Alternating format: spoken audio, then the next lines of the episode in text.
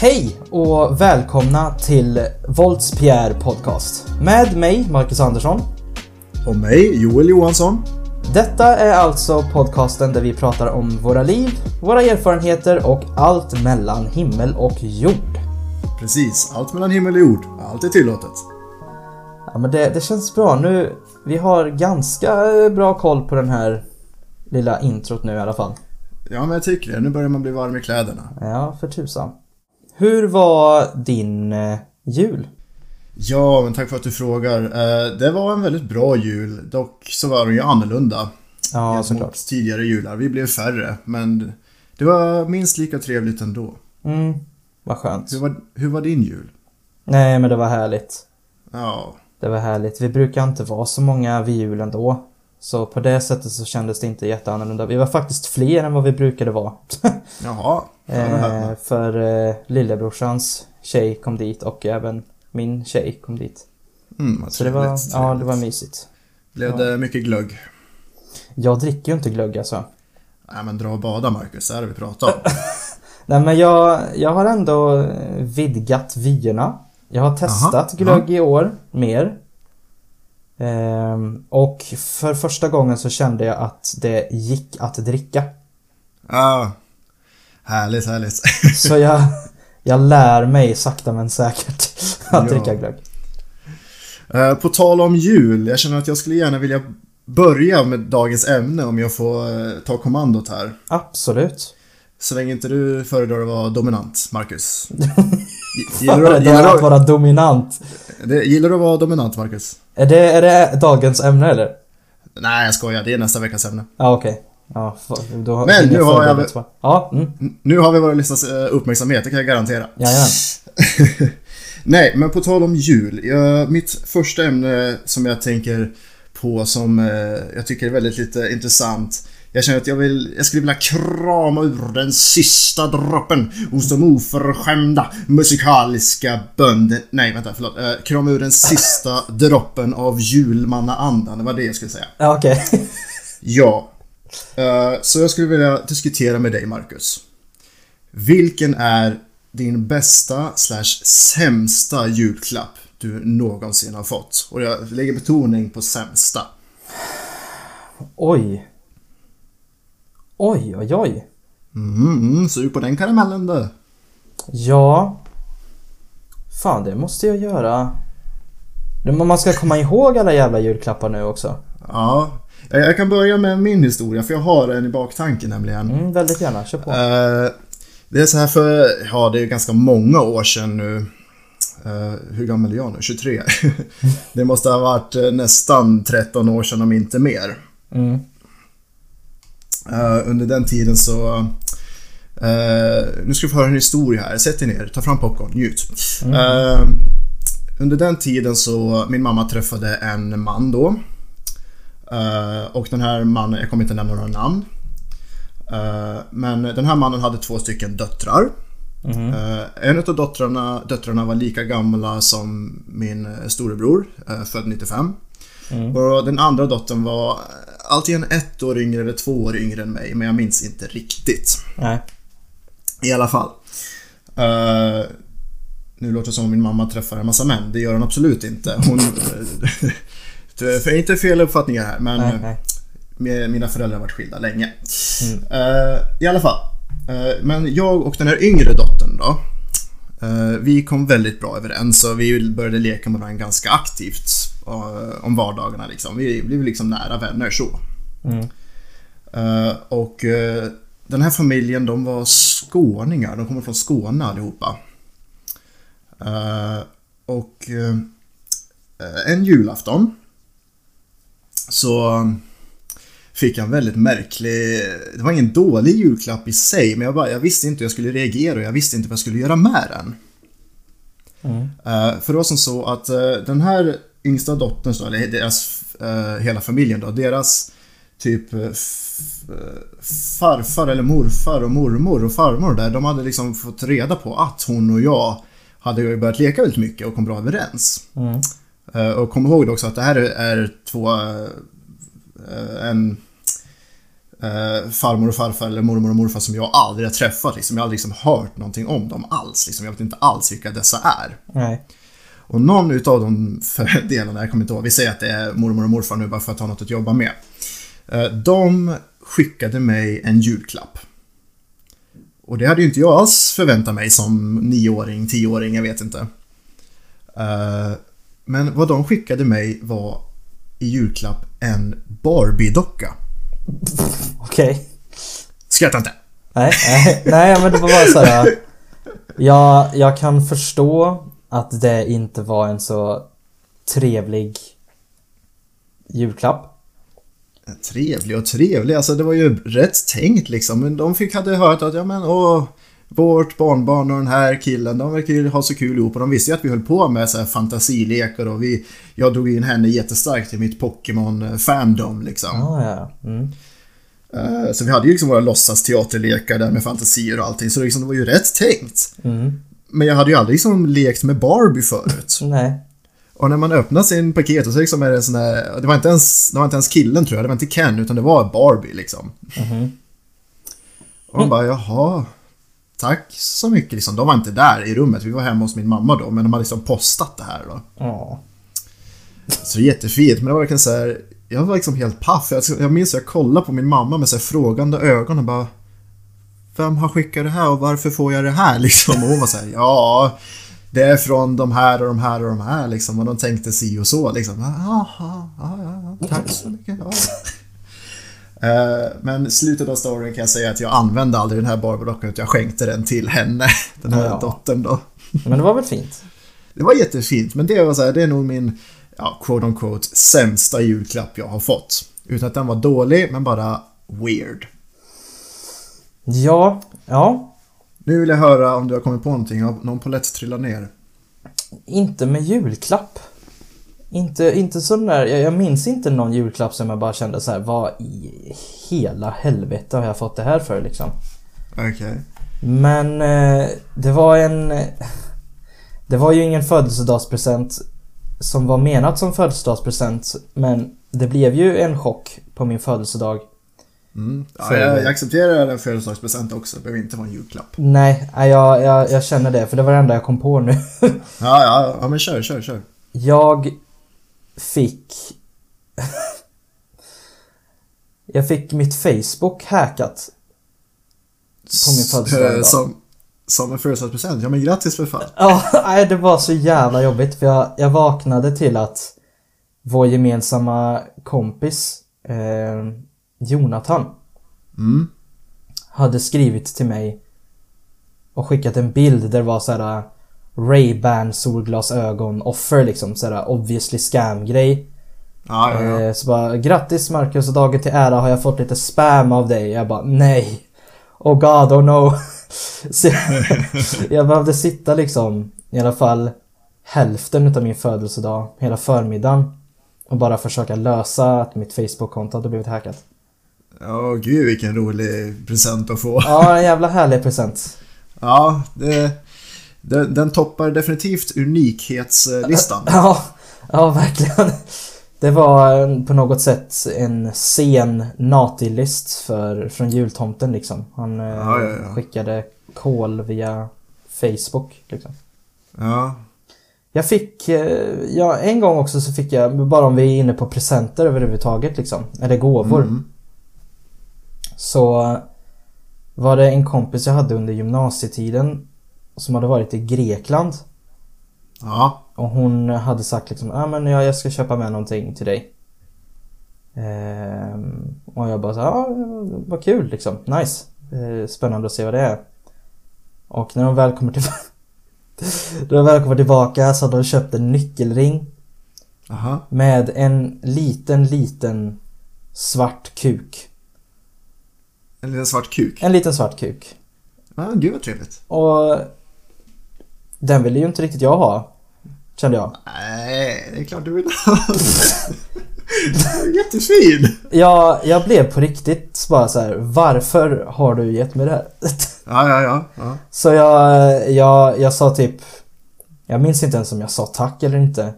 Men eh, så fort hon hade gått därifrån så slängde jag den faktiskt. Nej! Jag bara, vad fan ska jag med det här till? Ja, ja, ja. Ja, ja. Så jo, men det, det måste väl ändå toppas som den absolut sämsta gåvan jag någonsin fått. Den lilla svarta kuknyckelringen från Grekland. Ja, ja men ja, ja, men det där är så här, det där är en sån här gåva som ska vara i så här, i ett kedjebrev så här, till, till nästa födelsedag eller julafton då när du inte vet vad fan ska jag ge bort för något så ja men jag får ge den nyckelringen som jag fick för två år sedan liksom. Den ska ju gå i arv vet du. Den ska, Det- den ska åka på en resa Marcus. Det hade ändå varit smart faktiskt. Och gett henne tillbaka den jävla nyckelringen. Ja, ja, eller tillbaks och tillbaks. Du kan ge det till din tjej nu. Får se vad hon reagerar. Herregud. Jag har faktiskt berättat den storyn för henne. Ja, ja. Så hon hade väl bara blivit var, varför ger du, varför ger mig det? Marcus, varför då? är det någonting du vill berätta? Vad fan berättar man med om man ger en, en liten svart kuknyckelring till någon? Vad vill man, så vad här. vill man förmedla? Du säger så här, älskling, sätt dig ner, nu ska jag berätta en historia. Det var så här, den här, den där fick jag från min farfars farfars farfar. Jag liksom, jag, jag håller upp den och kör den här lejonkungen och såhär Natsevänga! Med den där också. Ja, Alltså det hade ju varit en riktigt fin julafton. Alltså det tycker ju som jag. Mm. Fin och fin, den hade väl varit intressant i alla fall. Den hade gått till historien, du som gillar historia. Ja, det, det hade den gjort. Det hade den definitivt gjort. Ja, Men trevligt, trevligt. du pratar om, eh, nej men du pratar om bästa julklappar också, det vill jag höra lite grann om. Ja, oj, ja, jag har bara kommit på min sämsta, men bästa, bästa, ja det kan ju... Bästa julklappen. Mm, mm, mm, mm. Eh, jag undrar om det var en julklapp eller om det var en födelsedagspresent, det minns jag inte. Men eh, 2007 eller 6, jag vet inte exakt. Det är också en gissning, tummen och pekfingret. Men jag minns att jag så jävla gärna ville ha ett Nintendo Wii. Eh, och jag minns att jag verkligen, jag tjatade och jobbade med min pappa då att säga snälla köp det här till mig, jag vill så gärna ha det och åh, åh, åh. Jag tror jag höll på liksom i en månad med att liksom bara, jag vill ha det, jag vill ha det, jag vill ha det och sitta och satt. Han var alltid så här, nej, mm, nej, mm. Lite tveksam sådär men eh, Mm. i slutändan så, så fick jag det. Jag, jag vet inte om jag fick det i julklapp eller om jag fick det som någon förjulklapp. Men eh, så glad och så exalterad som jag var över att få det där Nintendo Wii. Alltså det, som barn i alla fall så var liksom, det, var så här, det var mäktigt då liksom. Mm. Det kanske nog var det bästa julklappen som barn tror jag som jag minns väldigt väl. Så här, processen igenom. Ja, ja men eh, precis av samma anledning så har jag också en, en gåva som jag minns och som står ut liksom. Mm, mm. För det var, det var egentligen det jag tänkte på när du pratade, eller när du frågade mig överhuvudtaget om, om gåvor. Ja. Som man minns. För jag... när jag gick på högstadiet så spelade vi ofta spel hemma hos min kompis. Eh, För han hade ett... Eh, en liten sån här biograf typ nere i hans källare. Eh, ja, ja, med så projektor och grejer. Ja, eller? precis. ja, ja. Så på den brukade vi sitta och spela Battlefield och allt möjligt liksom. Mm, Eh, och ett utav spelen vi spelade var Assassin's Creed Brotherhood. Ah, Och det här var precis, alltså det var liksom introduktionen till Assassin's Creed för mig. Jag hade ingen aning om vad det var innan. mm, Och det enda vi gjorde i spelet var en specifik challenge. För det finns, eh, det fanns ju olika challenge modes i det. Ja, okej. Det Liksom visste så jag inte om. lite minigames typ. Ja, ja. Och ett utav dem var att man skulle döda så många vakter som möjligt utan att själv bli träffad utav dem. Alltså inte upptäckt utan träffad. Ja precis, du fick inte ta någon skada överhuvudtaget. Ah, mm, mm. Eh, och vi spelade det här om och om och om och om igen och försökte slå varandras rekord och sånt där. Mm. Jag tror jag kom upp till över 200 till slut. Det måste ha tagit sin tid. Det gjorde det kan man säga. Men eh, vi, vi älskade det där i alla fall. Eh, Ja. Och så spelade vi jättemycket. Både eh, jag och liksom flera utav våra kompisar samlades runt det där Ja. en period. Så det var samma år som Assassin's Creed Revelations skulle komma ut, så uppföljaren. Mm. Och jag önskade mig det spelet i julklapp. Ja. Just på grund av att jag vill ha det här spelet så att jag kan göra den här challengen. Ja, förstås. Och jag fick spelet utav min lillebror tror jag. Mm. Och jag blev ju överlycklig. Började spela spelet och det challenge-modet fanns inte i det spelet. Oh, of course not. eh, och jag blev så här, men why? Varför tog de bort det?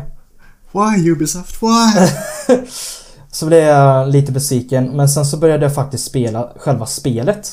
Alltså Mm. följa storyn. Jag blev jätteintresserad och tyckte det var jättehäftigt och så eh, började jag kolla på YouTube för liksom storyn för första spelet och andra spelet och på det sättet Ja, ja, så blev ja. jag istället Mm. introducerad till hela Assassin's Creed-spelserien.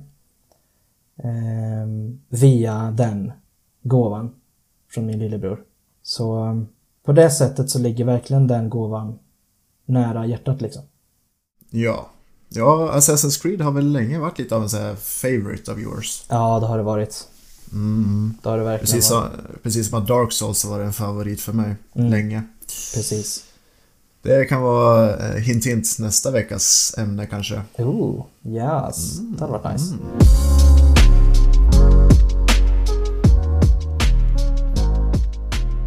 Ja, och då är jag nyfiken Marcus. Vad har du i bakfickan till mig?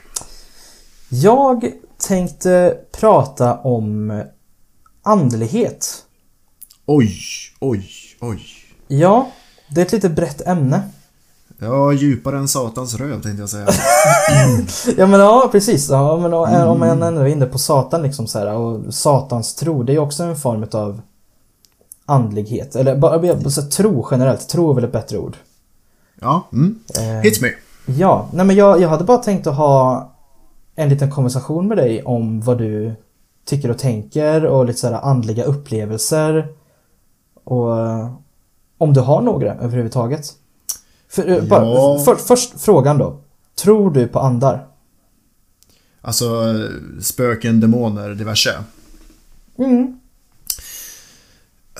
Det är nästan så att man, jag får nästan svara det så här, ibland och ibland inte. Det, är så här, det, det kommer nästan som i perioder till och från. Men om jag ska dra ett definitivt svar så ja. Det är så här, en del av mig vill tro det. Mm. I alla fall att det finns så här, någonting efter detta liksom. Bara någonting åt det hållet. Mm. Nej men precis, för jag... Jag har varit väldigt starkt icke-troende Mm. i praktiskt taget hela mitt liv. Och pratar vi religion nu eller? Ja, bo, men både religion och andevärlden och allt sånt där egentligen. Mm, mm. När man var liten var man ju rädd för spöken och så, men det räknar jag inte riktigt Ja. med. Okej. Eh, men vi hade ju, jag vet inte om du hade det, men vi, jag hade bibelstudier.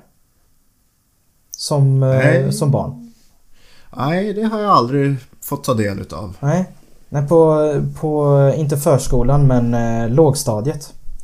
Så, Jaha, jaha, mm. så läste vi bibeln tillsammans. Det bara på, visar hur gamla vi är, Marcus. Ja, herre, herre jäklar. ja. Nej men, eh, och då var det så här, ja det var en, en story som eh, man fick ta del av typ. Men jag, jag trodde ju inte riktigt på att någonting hade hänt. Jag trodde inte på någon, någon gud eller så. Nej, alltså det här med bibellära, jag kan väl säga att ja, vi hade Lucia-tåg, vi hade diskussion om Jesu födelse och död under jul och påsk liksom i skolan, men inte mer än så liksom. Nej. Nej, och det är väl en, en ganska självklar grej egentligen. För vi, vi bor ju ändå i ett kristet land så. Ja, Eh, och nu för tiden så är det väl bra för nu får man ta del av religion på ett helt annat sätt. Eh, ja det blivit väldigt eh, diverst, om det är Mm. ett ord. ja, men jag tycker det är nice. Eh, jag, jag är väldigt intresserad av religion ska jag säga. Mm. Det går väl lite hand i hand med det här med historieintresset som jag har. Ja, religion och tro är ju en enorm, ett, ett enormt stycke i historien. Ja, precis. Och sen i tidigare i år Mm. så ser jag mig inte längre som ateist utan som agnostiker. Och då får du förklara för mig, vad innebär det? Agnostiker är basically jag vet inte om det finns en gud eller inte. Okej, då... då lägger jag mig nog på den stämpeln också. Mm, mm. För jag tycker att för, för en ateist, i alla fall så som jag har uppfattat detta, de här Mhm. begreppen. En ateist är en person som aktivt inte tror att det finns någonting. Mm, mm. Så. Och det känner inte jag att jag passar in i riktigt längre. Okej. Eh, utan jag, jag, jag tror mer på att det kan finnas något. Men det kan också inte finnas något. Så jag, jag är någonstans i mitten där. Ja, jag känner att du har en historia om varför du har ändrat dig i kommande så här, eller förstår jag fel nu? Ja, jag har två, två historier jag kan dra. Okej. Det blir egentligen tre, men en av dem kan bli lite så här kort. Mm. Ehm, och det är dels om man ska just prata eh, religionstro till att börja med. Ja. Eh, så någonting förra hösten. Jag fick bara en, en, en känsla av att okej Marcus, du, du ska gå till kyrkan. Jaha. Eh, jag vet inte varför men det, jag, ska gå till, jag ska gå till kyrkan. Liksom. Mm, mm. Så jag gick till kyrkan. Jag gick till domkyrkan här i Karlstad. Eh, det är väl Karls- Karlstads största kyrka tror jag. Mm. Eh, och satte mig där inne. Det här, det här var ju innan corona så det kunde man göra. Eh, Ja. Men jag satt där inne i säkert 40 minuter. Och jag, jag kände mig glad. Jag kände mig ledsen. Jag kände mig tom. Jag gick igenom så fruktansvärt många olika känslor när jag satt där inne. Mm. Satt du på en av de här eh, bänkraderna liksom? Ja, längst fram. Mm.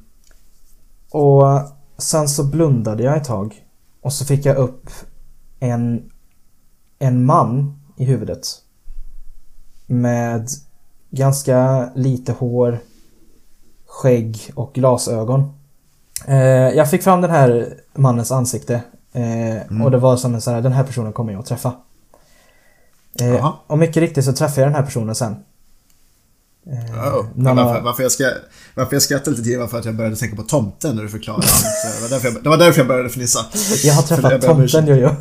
Jag, måste säga, jag fick upp tomten i huvudet bara, ja, han går väl lite i hand med Jesu Kristi kyrka antar jag. It was amazing. I got to see all the little elves. Oh my god, they, they're all hiding in the church? I knew it. Nej, Ja, men fortsätt, fortsätt. nej han, eh, den här personen är en ledare för någon sådär eh, ungdom, Svenska kyrkans ungdom typ. Okej. Eh, Och jag träffade honom via en, en gemensam kompis. Mm, mm. Och jag fick följa med en dag på, på när vi spelade bowling. Eh, liksom Svenska kyrkans unga eh, i Torsby. Eh, Och jag. Eh, och efteråt så fick jag följa med och, ha, och be en liten kvällsbön eller vad fasen man säger. Ja, ja, ja. Ehm, och jag är inte riktigt sådär, jag vet inte hur man gör, men jag, jag satt där, jag blundade och ja, satt där och lyssnade basically. Ehm, och så tänkte jag för mig själv att nu hade det varit ett ganska bra tillfälle för dig Gud att faktiskt visa att du finns. Eh, om du vill att jag ska tro på dig. Mm. Och bara några sekunder efter jag tänkte det så blev jag väldigt, väldigt varm. Mm. Och ytterdörren smälldes upp. Jaha. Från ingenstans. Eh, Ja, ja. Och den, den hade varit helt stängt. eh, Och vi, vi tänkte att nu är någons liksom, förälder här och ska hämta upp någon. Utav de Ja. yngre typ. Men nej då. Jag var ingen där. Dörren bara smällde upp. Det var ingen som kom in eller gick ut eller Ingen kom in, ingen gick ut. Den bara... Mm. Pang. shaboom. Eh, och jag är absolut inte övertygad om att det finns någon gud på grund av det. Det var bara, Nej. det kändes konstigt bara. Ja, ja, ja. Liksom ja, så här, det- jaha. Var detta något andligt eller inte typ? Mm, mm. Ja, det, det får verkligen tankarna att gå. Ja, men har du varit med om någon andlig upplevelse någon gång? Andlig upplevelse? Nej, men en sån här spökskrämlighetsupplevelse? Ja. Mm. Det, ända sedan den kvällen Oj, nu känner jag att nu går jag helt plötsligt djupt in i mig själv här. Uh, jag måste andas. Nej men, äh, ända sedan den kvällen så har jag haft enorm respekt för äh, kyrkogårdar eller gravplatser. Okej. Okay. Uh, och det här var också en händelse som var när jag var barn. Mm. Gud, my childhood was exciting. uh, nej men det var så här, jag minns 17 vart jag hade varit och vart jag var på väg. Jag tror jag skulle cykla ifrån min pappa till min mamma och de bor Ja, 6-7 kilometer ifrån varandra ish och man kan cykla liksom biten. Det är, så här, det är inte för långt för att cykla. Nej. Um, och det finns en kyrka här där jag bor som heter Hille kyrka.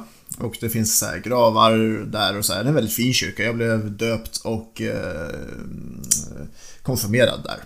Mm. Uh, men uh, av någon anledning så var det väldigt sent då när jag skulle cykla här då. Mm. Uh, om man cyklar förbi den här kyrkan då, på vägen då. Jag, jag vill minnas att det var typ så klockan 10-11 på kvällen men jag förstår inte varför jag skulle cykla så sent fram och tillbaks till morsan och farsan. Nej. Men i vilket fall, det var, det var mörkt i alla fall. Jag tror det var på höstsidan så det var så här, det var kolsvart liksom. Det var innan snön hade kommit. Mm. Uh, och jag cyklar där. Uh, minding my own business. Uh, jag tror inte jag lyssnade på någon musik eller någonting. Jag bara, liksom, jag bara cyklade. Och det, var, det fanns ingen ute. Ingen ute, inte en enda kotte, ingen som var på promenad, ingen Ingen någonting. Den här kyrkan ligger i lite så små husområde men det fanns, det var inte en kotte ute. Ingen alls, det var helt tyst liksom. Mm. Och från ingenstans, jag var mitt liksom, mitt så här, ja, på kyrkområdet om jag säger så. Mm. Eh, så bara hör jag det här riktigt, riktigt gälla skriket liksom. Som, som ett riktigt högt gällt kvinnoskrik vet du, som här, i typ skräckfilmer. Fy fan. Uh, och det, liksom, det lät var som chockade mig det lät så himla nära. Det var som om hon skrek mig rätt i örat vet du. Fy. Det var inte så här, oj, det var så här, oj, det var någon där borta som ramlade omkull eller blev skrämd för någon ekorre liksom. Utan nej, det här var så här, det var hjält.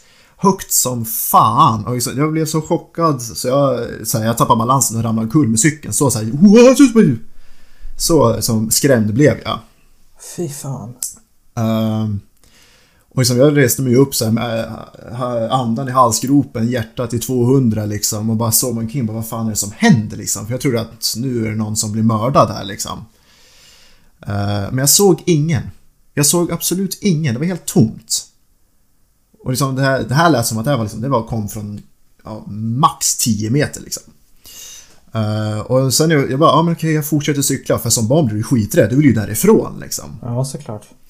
Eh, så jag bara fortsatte cykla med andan i halsgropen. Och så jag mötte några, så här, några äldre som var ute och gick så här 50 meter bort. Och det, så här, de gick helt normalt, det var som om ingenting hade hänt. Så de verkade inte som att de hade hört någonting heller. Så jag bara såhär, vad fan var det där liksom? Vad hände precis? Vad upplevde jag?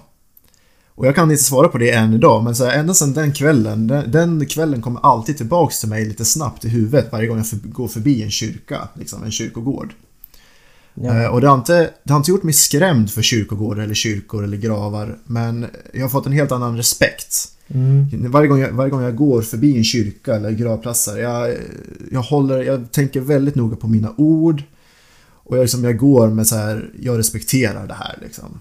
Mm. Så man kan lära sig, även, även fast det här, om det här nu bara var liksom ett prank av någon som skrämde mig riktigt jävla bra. Så mm. det kanske kom något gott utav det också. Mm.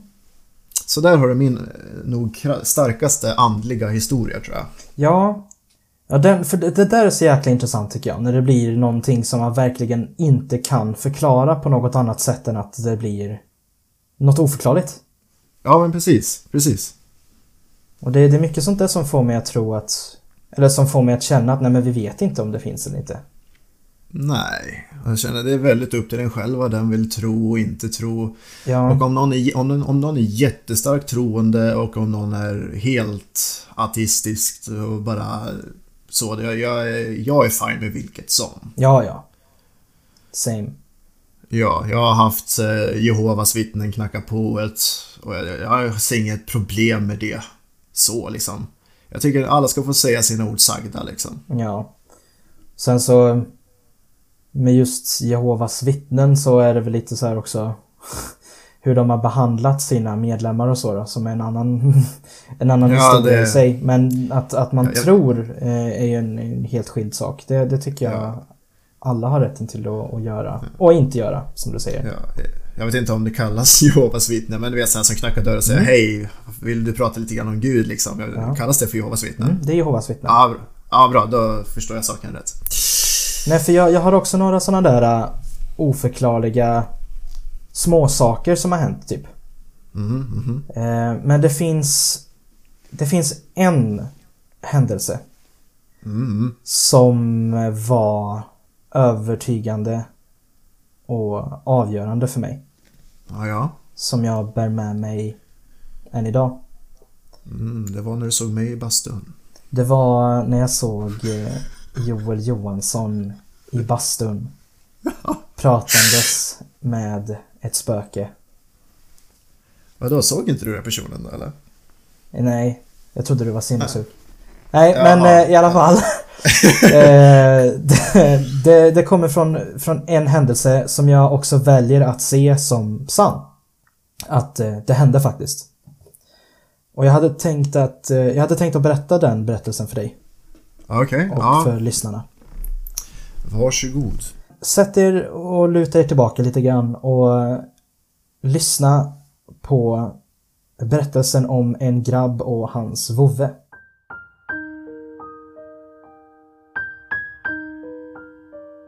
Grabben hade varit rädd för hundar i princip hela hans liv. Han var bara en liten grabb när chefen hade hoppat framför honom på bryggan och visat honom hans vassa tänder. Som i vilken sekund som helst skulle kunna slita honom i stycken. Om hunden nu så ville. Denna rädsla var alltså djupt rotad i grabben. Den hade tagit fäste i form av ett förvrängt monster av hundliknande skepnad, klängandes fast under hans hud. Hundrädslan skulle finnas där för evigt trodde naturligtvis vår grabb. Ändock skulle detta ändras så småningom. Det var nämligen så att grabbens familj hade pratat om att skaffa en sådan där hund. Och eh, grabben som nu var 13 hade börjat öppna upp sig för att i alla fall försöka bli av med den här rädslan. Bilresan tog lång tid. Så lång tid att grabben aldrig trodde att en slutdestination skulle nås. Bilen svängde av den smala grusvägen som ledde till en gård mitt ute i Värmlands mörka skogar. Mötet med denna framtida byracka skulle nu ske. Huset var inte särskilt inbjudande heller. Men grabben och hans familj klev in genom dörren och in i en värme som han i dessa omständigheter fann välkomnande trots den olustiga känslan av miljön och hundarna där inne.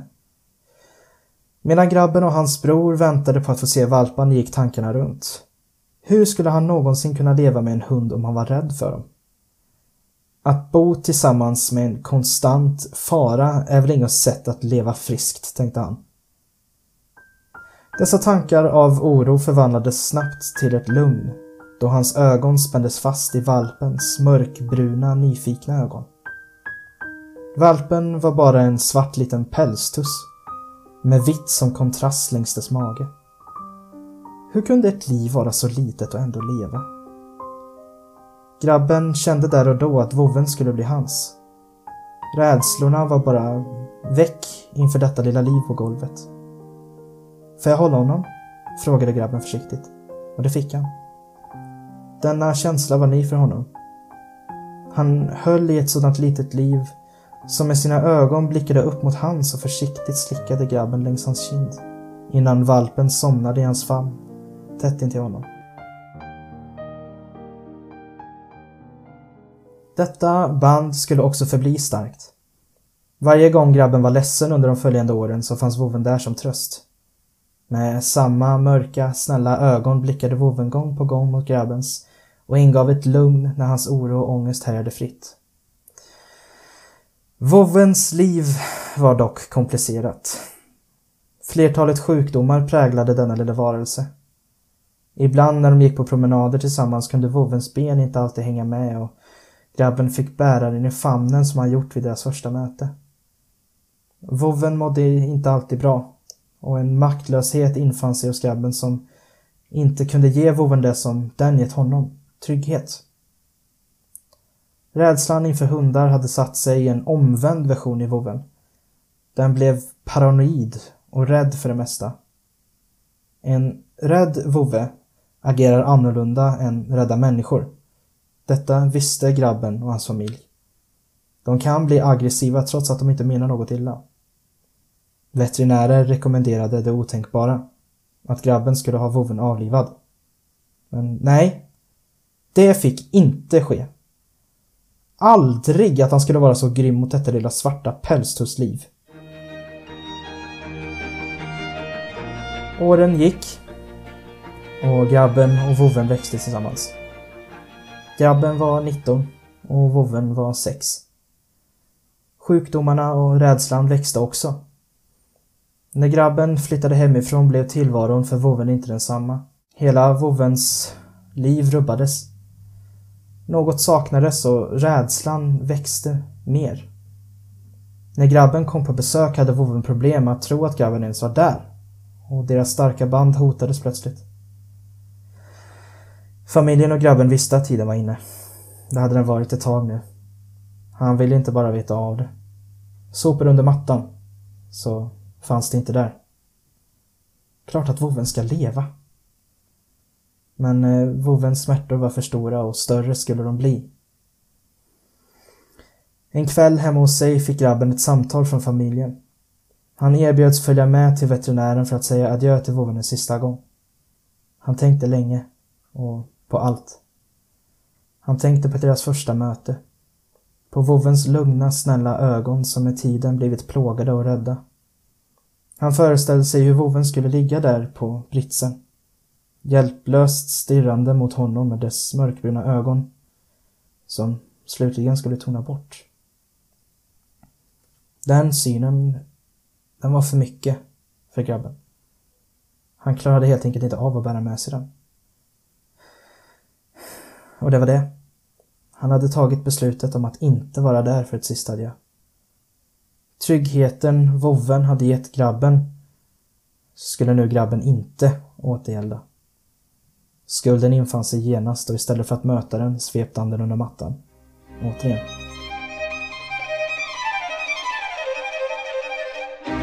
Fyra dagar senare, i en gympasal, hade grabben lektion tillsammans med sin klass. De skulle ha en sån där övning där man fokuserar på olika kroppsdelar, slappnar av och hamnar i någon form av ett med sig själv och själen. Sånt som grabben aldrig tyckte funkade för honom.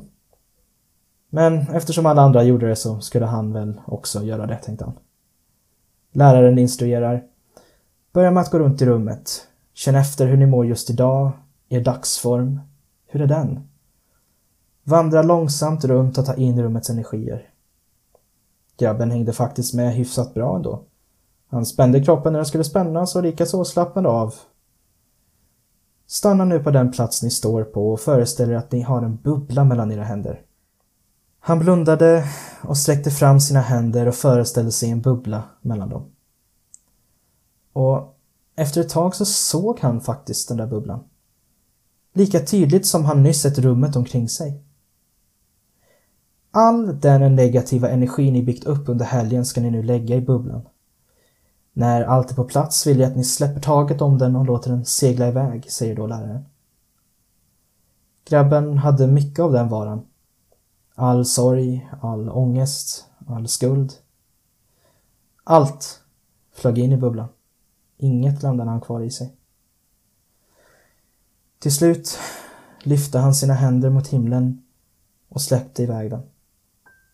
Fortfarande med sina ögon helt stängda såg han nu hur bubblan seglade iväg längre och längre ifrån honom. Plötsligt ändrades dock någonting med den. En färg började formas. Svart. Och den verkade få en tyngd.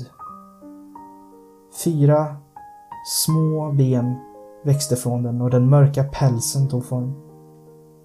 Vovven sprang sakta. Så som i drömmar när man springer från något men aldrig riktigt fått någon hastighet att tala om. Här var det däremot inte mardrömsliknande utan snarare tvärtom. Vovven stannade till slut och vände sig om mot grabben. Deras ögon möttes, så som de gjort vid deras första möte. grabbens mörka blå och vovvens mörka bruna. Vovven gav grabben nästan som en nickning och grabben svarade med samma gest. Han förstod genast. All smärta, all rädsla som vovven byggt upp genom dess liv var borta. Hans ben bar honom lika lätt som en fjäder. Svansen den vajade sakta fram och tillbaka som en flagga i vinden. Fyra andra hundar uppstod från luften och skuttade mot vovven, som exalterat vände sig om och skuttade tillsammans med dem, längre upp mot himlen, tills de slutligen uppgick i ett ljus tillsammans. Jag öppnade mina ögon och kände så många olika känslor samtidigt att det är svårt att beskriva. Jag var glad för att Simba nu mådde bra. Att avlivningen inte var ett grymt beslut utan lösningen till hans problem. Jag var ledsen för att jag nu aldrig skulle se honom igen. Och jag var väldigt, väldigt tacksam att han återigen hade gett mig det som han så många gånger tidigare hade gett mig. Trygghet, men framförallt ett sista adjö. Och tårarna de bara rann nerför mina kinder.